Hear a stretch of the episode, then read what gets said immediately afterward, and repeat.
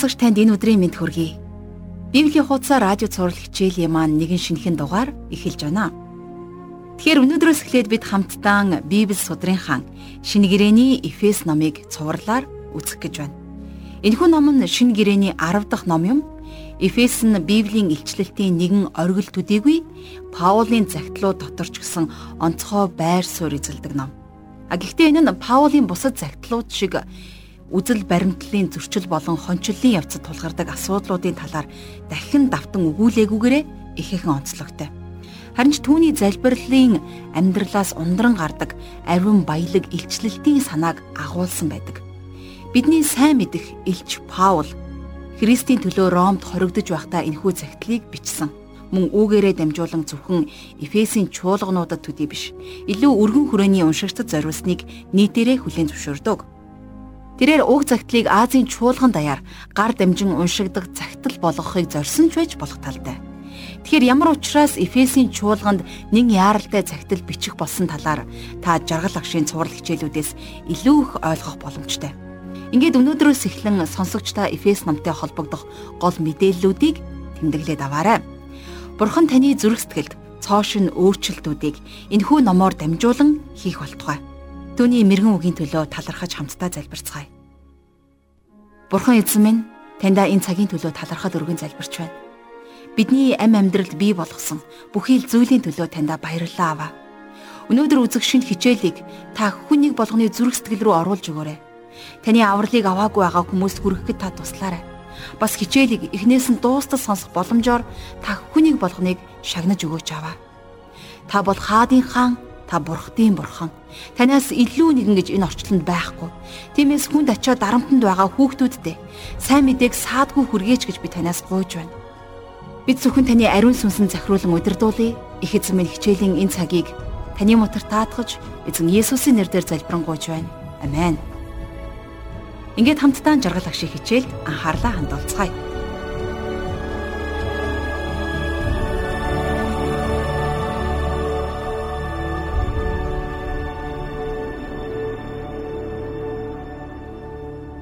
За өнөөдөр мэрэгэн сонсогч тантай хамт Библийн цоо шин нэгэн номыг эхлүүлж байгаа да. За багш миний хувьд маш их баярлаж байна. Эфес гэдэг энэхүү номын зохиогч нь Илч Паул. За Паул энэхүү загтлыг Ромын шоронд хоригдож байхдаа бичсэн байдаг. Тэгэхээр шинэ гэрээний үед буюу манай эртний 1-р зууны үед Эфес хот нь ойрох дорнодын их чухал хот байгаа зогсохгүй. Азийн Ром мужийн за одоогийнхоор бол Туркийн баруун хэсэгт оршдог их гол хот байсан. За мөн түүнчлэн Эфес хот бол худалдааны төв хот байсан. За ингэж ойрох дорнодын худалдаачид 8 хийхээр энэ хотод олноороо ирдэг байсан гэж түүхэнд бичсэн байдаг. За Илж Паулийн хувьд бол манай эртний 53-аас 55 онд Эфес хотод амьдарч байхдаа өдөр болгон хурлын майханд сургаал номлодог байсан байна. Паулийг сонсохоор ирсэн зарим хүмүүс Христэд итгэснээр Эфесийн чуулган анх байгуулагдсан түүхтэй. За ингэж Есүс Христийн сайн мэдээ Эфесийн иргэн тойронд тархсан байна. Харин ямар учраас Паул энэ чуулганд нин яаралтай загтлыг бичих болсон талаар уг загтлынхаа зорилгыг за Эфес номын 1-р бүлгийн 15-аас 17 дугаар ишлэлдэр Паул ингэж өгүүлсэн байна. За мэдээж Паул өөрийнх нь загтлыг уншигчийг итгэл мэрэгэн ухаан хайр Бурхны алдрын илчлэл дотор өсөөсэй гэж хүсч эннийхэн төлөө залбирч байсан. Харин хамгийн гол нь Паул тэднийг Есүс Христийн дотор зөв зохистой амьдраасай гэж үнэн голоосоо хүсч байсан. Паул Бурхны мөнхийн золилтын дүүрэн байдлыг илчлэх замаар итгэл болон сүнслэг үндэс суурийг батжуулахын тулд энэхүү загтлаа бичсэн байдаг. Ингээд хамтдаа Паулийн Эфес хотынд бичсэн загтлын 1-р бүлгийн 1-ээс 2-р ишлэлийг одоо уншъя. Бурхны хүслээр Христ Есүсийн илч болсон Паулаас ариун хүмүүст болон Христ Есүс дэх итгэмжтнүүдэд бидний эцэг бурхан эзэн Есүс Христээс нэгүүлсэл ба амар амгалан нь та нарт байх болтугай. За саяын уншсан энэхүү мэдчилгээнүүд бол Паулийн загтлуудаа бичсэн мэдчилгээнүүдийн хамгийн богинох нь гэж тооцогддог. За Эфес чуулганд илгээгдсэн энэхүү загтал яагаад ийм богинохон байна вэ гэвэл энэхүү загтал бүх чуулганд зориулан бичигдсэн болохоор тэр байна. За зарим гар бичмлүүд дээр энэ Эфесо гэдэг үг орхигдсон байдаг. Паул Колоссай номонд Лаудикийнхийг та нар бас уншаарай гэж хэлсэн нь Эфес номыг хилж байсан нь гарцаагүй. Өөрөөр хэлэх юм бол энэ нь тухайн үедээ гараас гар дамжих маягаар олонний хүртэл болдог байсан загтал байсан. Паул энэхүү загтлыг орон нутгийн тодорхой нэгэн чуулганд хандаж бичээгүй. Харин итгэгчдийн үл үзэгдэх бид зориулан нийтэд нь хандан бичсэн байна. Гэвч энэ загтлын эхнээс нь дуус хүртэл за бас өөр олон газруудад Христ Есүс гэж бичигдэх ёстой. Яагад үг гэвэл Христ гэдэг бол Есүсийн цол. Түүний хэн болохыг Матай номын 16 дугаар бүлгийн 16 дугаар эшлэлдэр та бол Христ амьд бурхны хүү мөн гэж Петрийн үздсэн үчлийг тэмдэглэн бичсэн байдаг шүү дээ. Тэгэхээр Есүс бол түүнийг хүнийх нь хувь нэрлсэн нэр тийм ээ. За мөн түнчлэн 2 дугаар Коринтын 5 дугаар бүлгийн 16 дугаар эшлэлдэр Паул бид түүнийг махуудын дагуу цаашид үзэхгүй гэж хэлсэн. Тэгэхээр Паул Есүсийг 3 жилийн үйлчлэлээр нь мэднэ гэхээс илүүтэйгээр Дамаск орох замд өөртөө нь уулзсан тэрхүү суу алдартай Христ гэдгээр нь илүү сайн мэднэ. Паул Христ гэдэг нэрийг үргэлж онцолж Христ Есүс гэж дууддаг байсан. Тэм учраас Паул өөрийгөө илч хэмээн дуудаж байна. За тэгвэл нэг асуулт гарч ирж байна тийм ээ. Илч гэж чухам яг хин юм бэ? За энэ нь чуулганд байсан хамгийн дээд алба. Тэгэхээр элч хүнд байх ёстой шаардлагуудыг хангаж чадахгүй гэдэг энгийн шалтгаанаар өнөөдөр хинч чуулганд элч байж чаддгүй юм. За энэхүү шаардлагуудыг дурдах юм бол нэгдүгээрт элч хүн өөрийн үүрэг даалгаврыг Есүс Христийн өөрийнх нь амнаас хүлээн авсан байдаг. За Паулж ингэснээ нотолдог тийм ээ. За Галат хотынд бичсэн загтлын 1-р бүлгийн 1-р эшлэгийг харах юм бол Паул хүмүүсээс бус, хүнээрч бус. Харин Есүс Христээр Мөн түүнийг үхэгчдээс амьдуулсан эцэг бурхнаар илч болсон Паул би гэж өөрийнхөө тухай тодорхойлон бичсэн байна. За ийм учраас Паул Юдасын байрыг эзэлсэн гэж би хувьдаа итгэдэг. За хэдийгээр даглагч нар Матиасыг сонгосон хэдий ч гэсэн Христ Есүс Матиасыг илч болгосон байгааг Библийн хаанаас ч би олж хараагүй. Бүх илч нар үүргээ эзэн Есүсээс өөрөөс нь хүлээн авсан нь тодорхой байсан. За илч болох хоёрдугаар болцол нь юу байсан бэ гэхлээр аврагчийг амилсныхан дараа өөрийн нүдээр харсан байдаг. За Паул ч гэсэн энэ шаардлагыг хангасан. За харин элчийн 3 дахь болцол нь юу вэ гэхлээр элчнэр хүлээн авсан онцгой илчиллээрээ бичээсүүдийг бичсэн байна. Тэгэхээр Паул бусад элчнэрийг бодох юм бол энэ тал дээгүүр хавьгүй дээр байр суурь эзлэх нь зүүн хэрэг байна. За дөрөвдүгüрт нь Илч нар дээд эрх мэдлийг хүлээн авсан байдаг. За харин 5 дугаарт нь тэд нар эрх мэдлийг авсныг илтгэх тэмдэг нь гайхамшгуудыг үлдэх явдал байсан. За өнөөдрийн хүмүүст ийм хүч чадал өгөгдсөн гэж би хувьдаа бодохгүй байна. А энэ бол тухайн үед элчийн тэмдэг байсан. Йохан 1-р зууны сүүлчээр бичсэн загталтаа хин нэг нь та нар дээр ирэхтэй. Энэ сургаалыг авчрахгүй бол түүний гертэ бүү орвол бүү мэндэл гэж. За Йохан өөрийнхөө бичсэн 2 дугаар загтлын 10 дугаар ишлэлээр бичсэн байна. Тэгэхээр энэ юу хэлж гэнэ үг гэхээр тэмдэг нь зөвхөн гайхамшиг үйлдэх чадвартай болгохын төлөө биш. Харин зөв сургаалыг батлахын тулд байсан гэдэг нь тодорхой байдаг. За эцэст нь буюу элчийн 6 дугаар болцол юу байсан бэ гэхээр тэд нэр бүх чуулгануудын төлөө дуудлагатай байсан. За тэгэхээр Паул энэ 6 шаардлагыг бүрэн хангасан элч байсан. Бурхны хүслээр Христ Есүсийн илч болсон Паул гэж өөрийгөө тодорхойлсон байна, тийм ээ. Тэгэхээр Паул илчийн дуудлага хүнээс юм уу эсвэл чуулганаас хүлээж аваагүй. За бас өөрийнхөө сайн дурын хүслээр биш, харин Бурхны хүслээр илчийн үүргийг хүлээж авсан гэсэн үг. За түрүүн би Галаачууд бичсэн загтлаас нэж татсан, тийм ээ. За 1-р бүлгийн 15-аас 16 дугаар эшлэлдэр Паул үргэлжлүүлээд ингэж бичсэн байна. Харин ихийн хөвлөд байхаас минь сонгон тусгаарлаж Нэгүслэрээ дуудсан тэрээр намайг таалж хүүгээ миний дотор илчилснээр түүнийг би харийнхын дунд тунхагладаг юм а гэж. За мөн 1-р Тимот номын 1-р бүлгийн 12-оос 13 дугаар эшлэлдэр Паул Тимотед хандаж ингэж бичсэн байна. Намайг хүчрхэгжүүлж итгэмжид химэн үзээд үйлчлэлд тавьсан бидний эзэн Христ Есүст би талархдаг. Би урд нь доромжлогч, хавчигч, хүчрхийлэгч байсан ч өршөөлийг авав. Учир нь би үл итгэл дор мэдэхгүйгээр үйлдэлсэн юм аа гэж. Тэгэхээр Паул өөрийн элчийн үүргийн үндэс суурийг Бурхны хүслээс л үүдэлтэй гэдгийг дахин дахин онцлсан байна. Та 1-р Коринтын 1-ийн 1, 2-р Коринтын 1-ийн 1, Колосачуудад бичсэн захидлын 1-ийн 1, Тимотед бичсэн 2-р захидлын 1-ийн 1-р ишлэлүүдийг хараад үзээрэй. Энэ бүх ишлэл зөвхөн энийг л онцлон бичсэн байна. За дараагаар нь Эфест байгаа ариун хүмүүст гэж бичсэн байна. За ариун хүмүүс буюу хагиос гэдэг грек үгээр илэрхийлэгдсэн энэхүү ариун тусгаарлагдсан гэсэн утга санаагаар Эфесчүүдийг нэрлсэн байна тийм ээ. Тэгэхээр энэхүү ариун гэдэг үгийн үндэс нь бурханд бүрэн хэрэглэгдэхээр тусгаарлагдсан. За хажуу тийш тавигдсан бурхных гэсэн утгатай. За хуучин гэрэн дээрээс та бид нар хамтдаа үзэж байсан. Майхан сүмд хэрэглэгддэг байсан бүх сав суулгыг ариун зүйлс гэж тооцдог байсан тийм ээ. А яагаад? Яагаад гэвэл тэдгээр нь онцгой ариун гоёмсог тансаг байсан учраас уу? Үгүй ээ.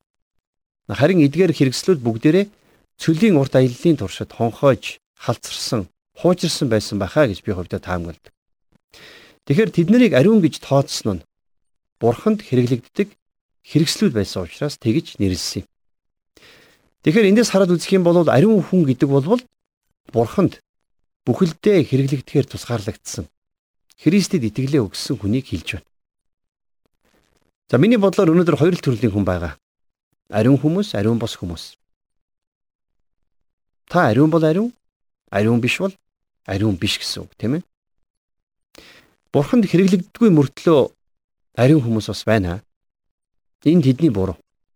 Тэд бурханд хэрэглэгдэхийн тулд түүнд үйлчлэхийн тулд уул нь тусгаарлагдсан.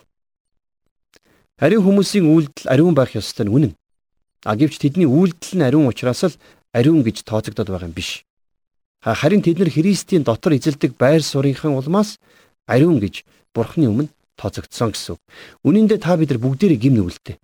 Бидэнд өөрсдийгөө ариун гэж тооцох юу ч байхгүй. Харин Бурхан зөвхөн Христ Есүсийн цусаар та биднийг угааж, бидний гмийг ариутгаж, уучлж, нэгүүлсэж биднийг ариун гэж дуудах тэр шийдвэрийг гаргасан гэсэн үг байна, тийм ээ. Эфест байгаа гэдэг үгийн талаар бид түрүүн дээр ярилцсан. Та өөрийнхөө хотын нэрийг орлуулан тавьсан ч болно. За миний хувьд бол Улаанбаатарт байгаа гэж ойлгохоор байна. За Христ Есүс доторх итгэмжтнүүдэд гэсэн байна тийм ээ. За энэ бол итгэгч нарыг хэлж байна. Итгэгчд ба ариун хүмүүс адилхан гэдгийг та эндээс харж байгаа баха. Тэгэхээр ариун хүмүүс ариун, итгэгч хүмүүс итгэмжтэй байх ёстой. Итгэгч хүн Христэд итгэлэн өгдөг болвол ариун хүмүүс бас л адилхан. За ариун хүн буюу за грекээр хагиос гэж илэрхийлэгддэг итгэгч хүн болвол итгэгч хүний бурханд хандах тэрхүү хандлагыг нь хэлж байгаа. А нөгөөтэйгөр итгэгч гэдэг үг нь бол бусад хүмүүс рүү хандах тэрхүү хандлагыг илэрхийлж байна гэсэн. За Христ Есүсийн доторх гэж хэлсэн байна. За энэ бол хамгийн гайхамшигтай илэрхийлэл. Эфест бичсэн энэхүү загталд энэ ойлголтыг нэлээд онцгойлсон байдаг.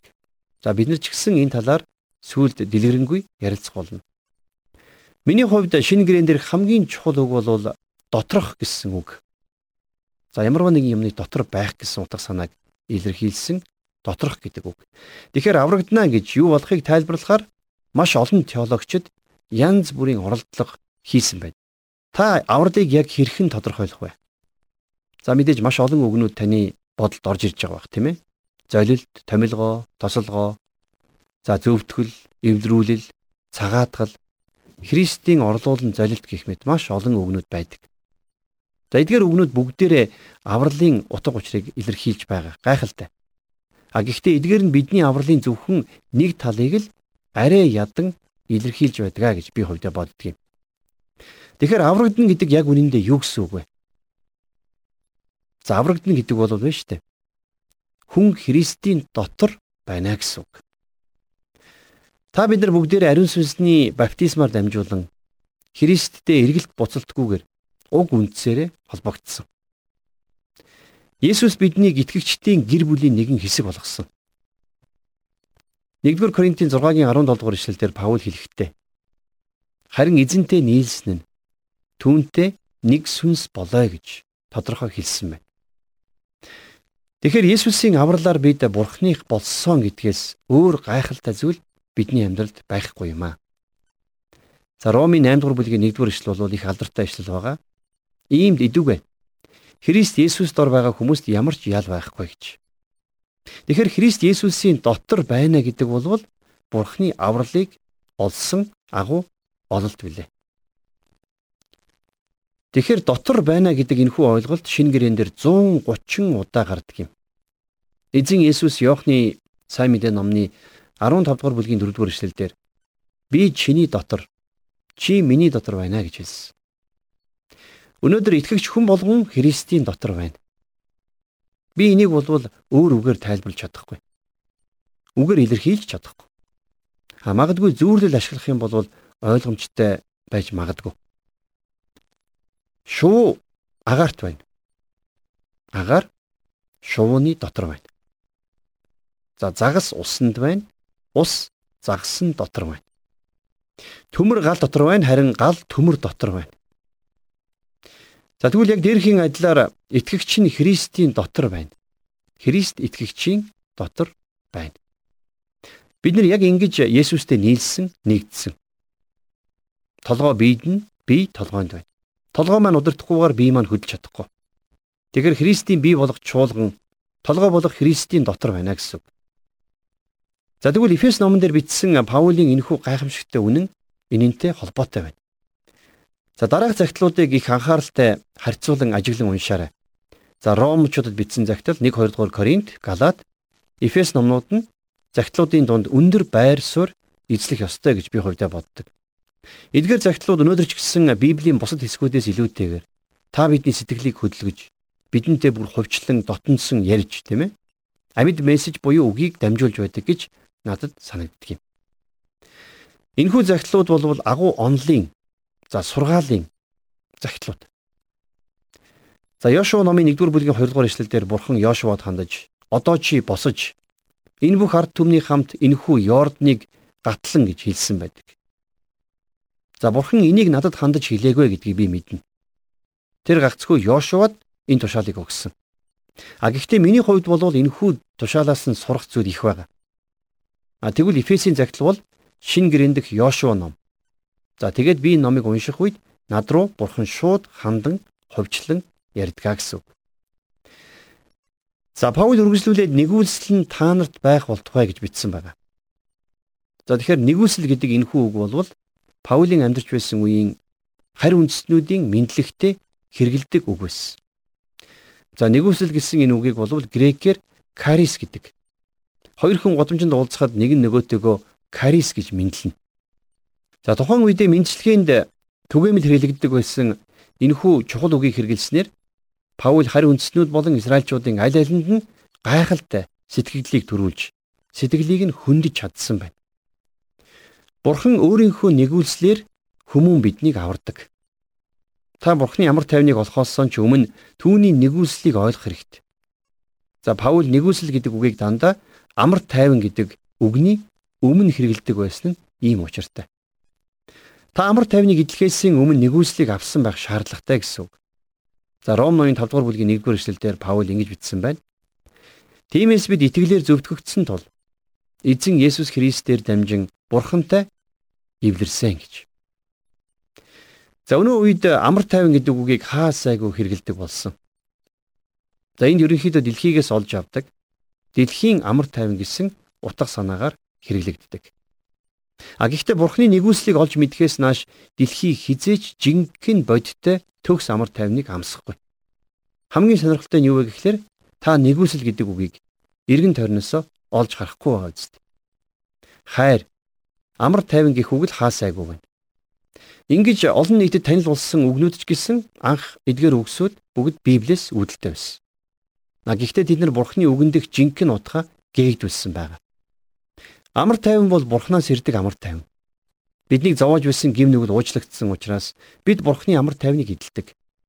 Тэм учраас амар тайван гэдэг үг нь бурхны амар тайван гэсэн утгатай. Бид нар бурхны нэгүслийг мэдэхгүйгээр бидний гим нүгэл хизээч уучлагдах боломжгүй. Бидний эцэг бурхан эзэн Есүс Христэс гэж Паул хэлсэн байна. За нэгүсэл ба амар тайван нь бидний эцэг бурхнаас л ирдэг. А тэрнээс биш ямарваа нэгэн хүнээс юм уу эсвэл ямарваа нэгэн мундаг од удирдахч манлайлагчаас ирэхгүй. Зөвхөн бурхнаас л жинхэнэ нэгүсэл амар тайван ирдэг. Тийм учраас бид нар үнэндээ Бурхны нэгүслийг амсаж, Бурхны сүнсээр шинчлэгдэх үед тэр бидний эцэг болдог. Нэгүсэл ба амар тайван нь мөн эзэн Есүс Христээс ширдэг. Эднэрийг ариун сүнснээс ирдэгэ гэж Паул яагаад хэлээгүй юм болоо? Паул гурвалд итгэдэггүй хэрэггүй. Өө тийм. Гэхдээ ариун сүнс аль хэдийнэ Эфест итгэгчдийн дунд оршин байсан. Эзэн Есүс Диважинд Бурхны баруун гар тал залран байгаа. Тийм учраас бид нар Библийг судлахдаа газар зүй мэдлэгээ цэгцлэх хэрэгтэй байгаа юм. Олон агуу хүмүүс газар зүй мэдлэгээ цэгцлээгүйгээс теолог нь гажсан байдаг. Тийм учраас бид нар энийгээ цэгцлэх үед теологийн мэдлэг маань зөв болж чадах юм. За ингээд бид нар өнөөдөр Эфес номын 1-р бүлгийн 1-ээс 2-р ишлэлээр дамжуулаад Бурхнаар өрөөгдсөн итгэл дүүрэн амар тайван хүний дүр зургийг олж харлаа. Үнэхээр Есүс Христэд итгэж авралыг авсан хүмүүс бол Бурхны өрөөлийг хүртсэн хүмүүс байдаг юм шүү. Тэм учраас та ч гэсэн бас Есүс Христэд итгэж тэрхүү нарийн замаар замнаж мөнхийн амийг Бурханаас хүлээж аваарай гэж өрөөгөөд өнөөдрийнхөө хичээлийг жаргаж байна.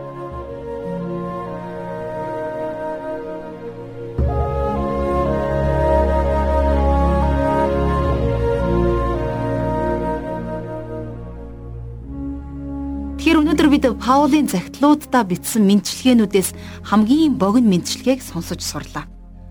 Жаргал агшин ярианаас Эфес чуулганд илгээгдсэн энэхүү богино захидал нь бүх чуулганд зориулагдсан бичигдснээрээ бусдаас онцгой болохыг мэдэж авлаа.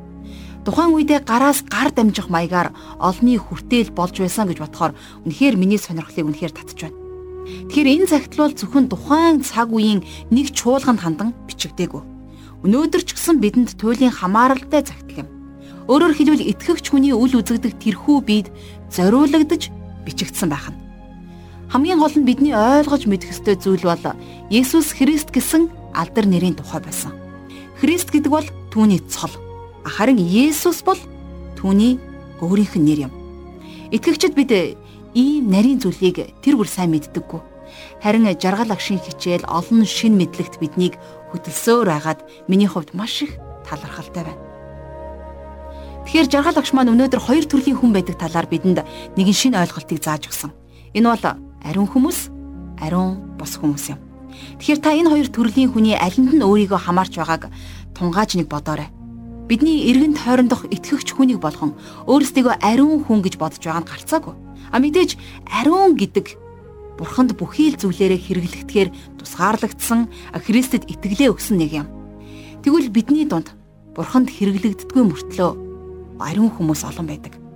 Хэрвээ та тэдний нэг бол итгэлтэй нь яг хаан төвлөрч байгааг бодоод үзэхэд гимгүү.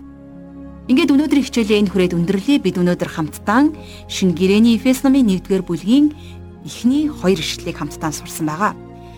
Ингээд Христийг байхаар шийдсэн бол та итгэлээ амьд халуун байлгаж түүнд бүрэн хэрэглэгдэх ариун сав байгаарэ гэж би таныг өрөөгөөд энэ цагаа хамтдаа өндөрлөе.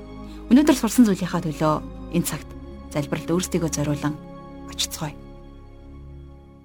Хайр нэгүслийн бурхан аав минь таньда баярлалаа аваа. Оргүй хоосноос орчлон ертөнцийг бүтээж энэ дэлхийг захирах агуу эрх мэдлийг та хүмүүс бидэнд өгсөн. Тэгвэл эзэн минь ээ та хүнийг бүрийг энхүү эрх мэдлээ зүү зүйтэйгээр удирдах мэрэгэн ухаанартаа хангаач. Бардам зандаа боолчлогдсон хөр хилдөө нүцгэн хүмүүст та өөрийнхөө даруй байдлын хувцсыг өмсгөж өгөөч. Таны үгэнд дуулууртай байх зүрх сэтгэлийг та тэдэнд үгээрээ дамжуулан бий болгооч. Жилийн энэ цагийг авралыг олж аваагүй байгаа тэдгээр хүмүүст хүргэх боломжийг та итгэвч хүүхдүүдээрээ дамжуулан та тэдэнд хүргэж аваа. Хүч чадал, эрх мэдэл, эдгэрэл Зөвхөн таны агуу үгийн шидээр бий болдог учраас танд бүх алдар магтаалын дээдийг өргөж бид танаас амар амгалан ам амьдралыг бид танаас эзэн таны хаанчлалын төлөө зохилох зүрх сэтгэлийг хувь тавиланг ам амьдралыг таны моторт өргөж бид танаас хүсэмжлэж Есүс Христийн нэрээр залбирanгуйч байна. Амен.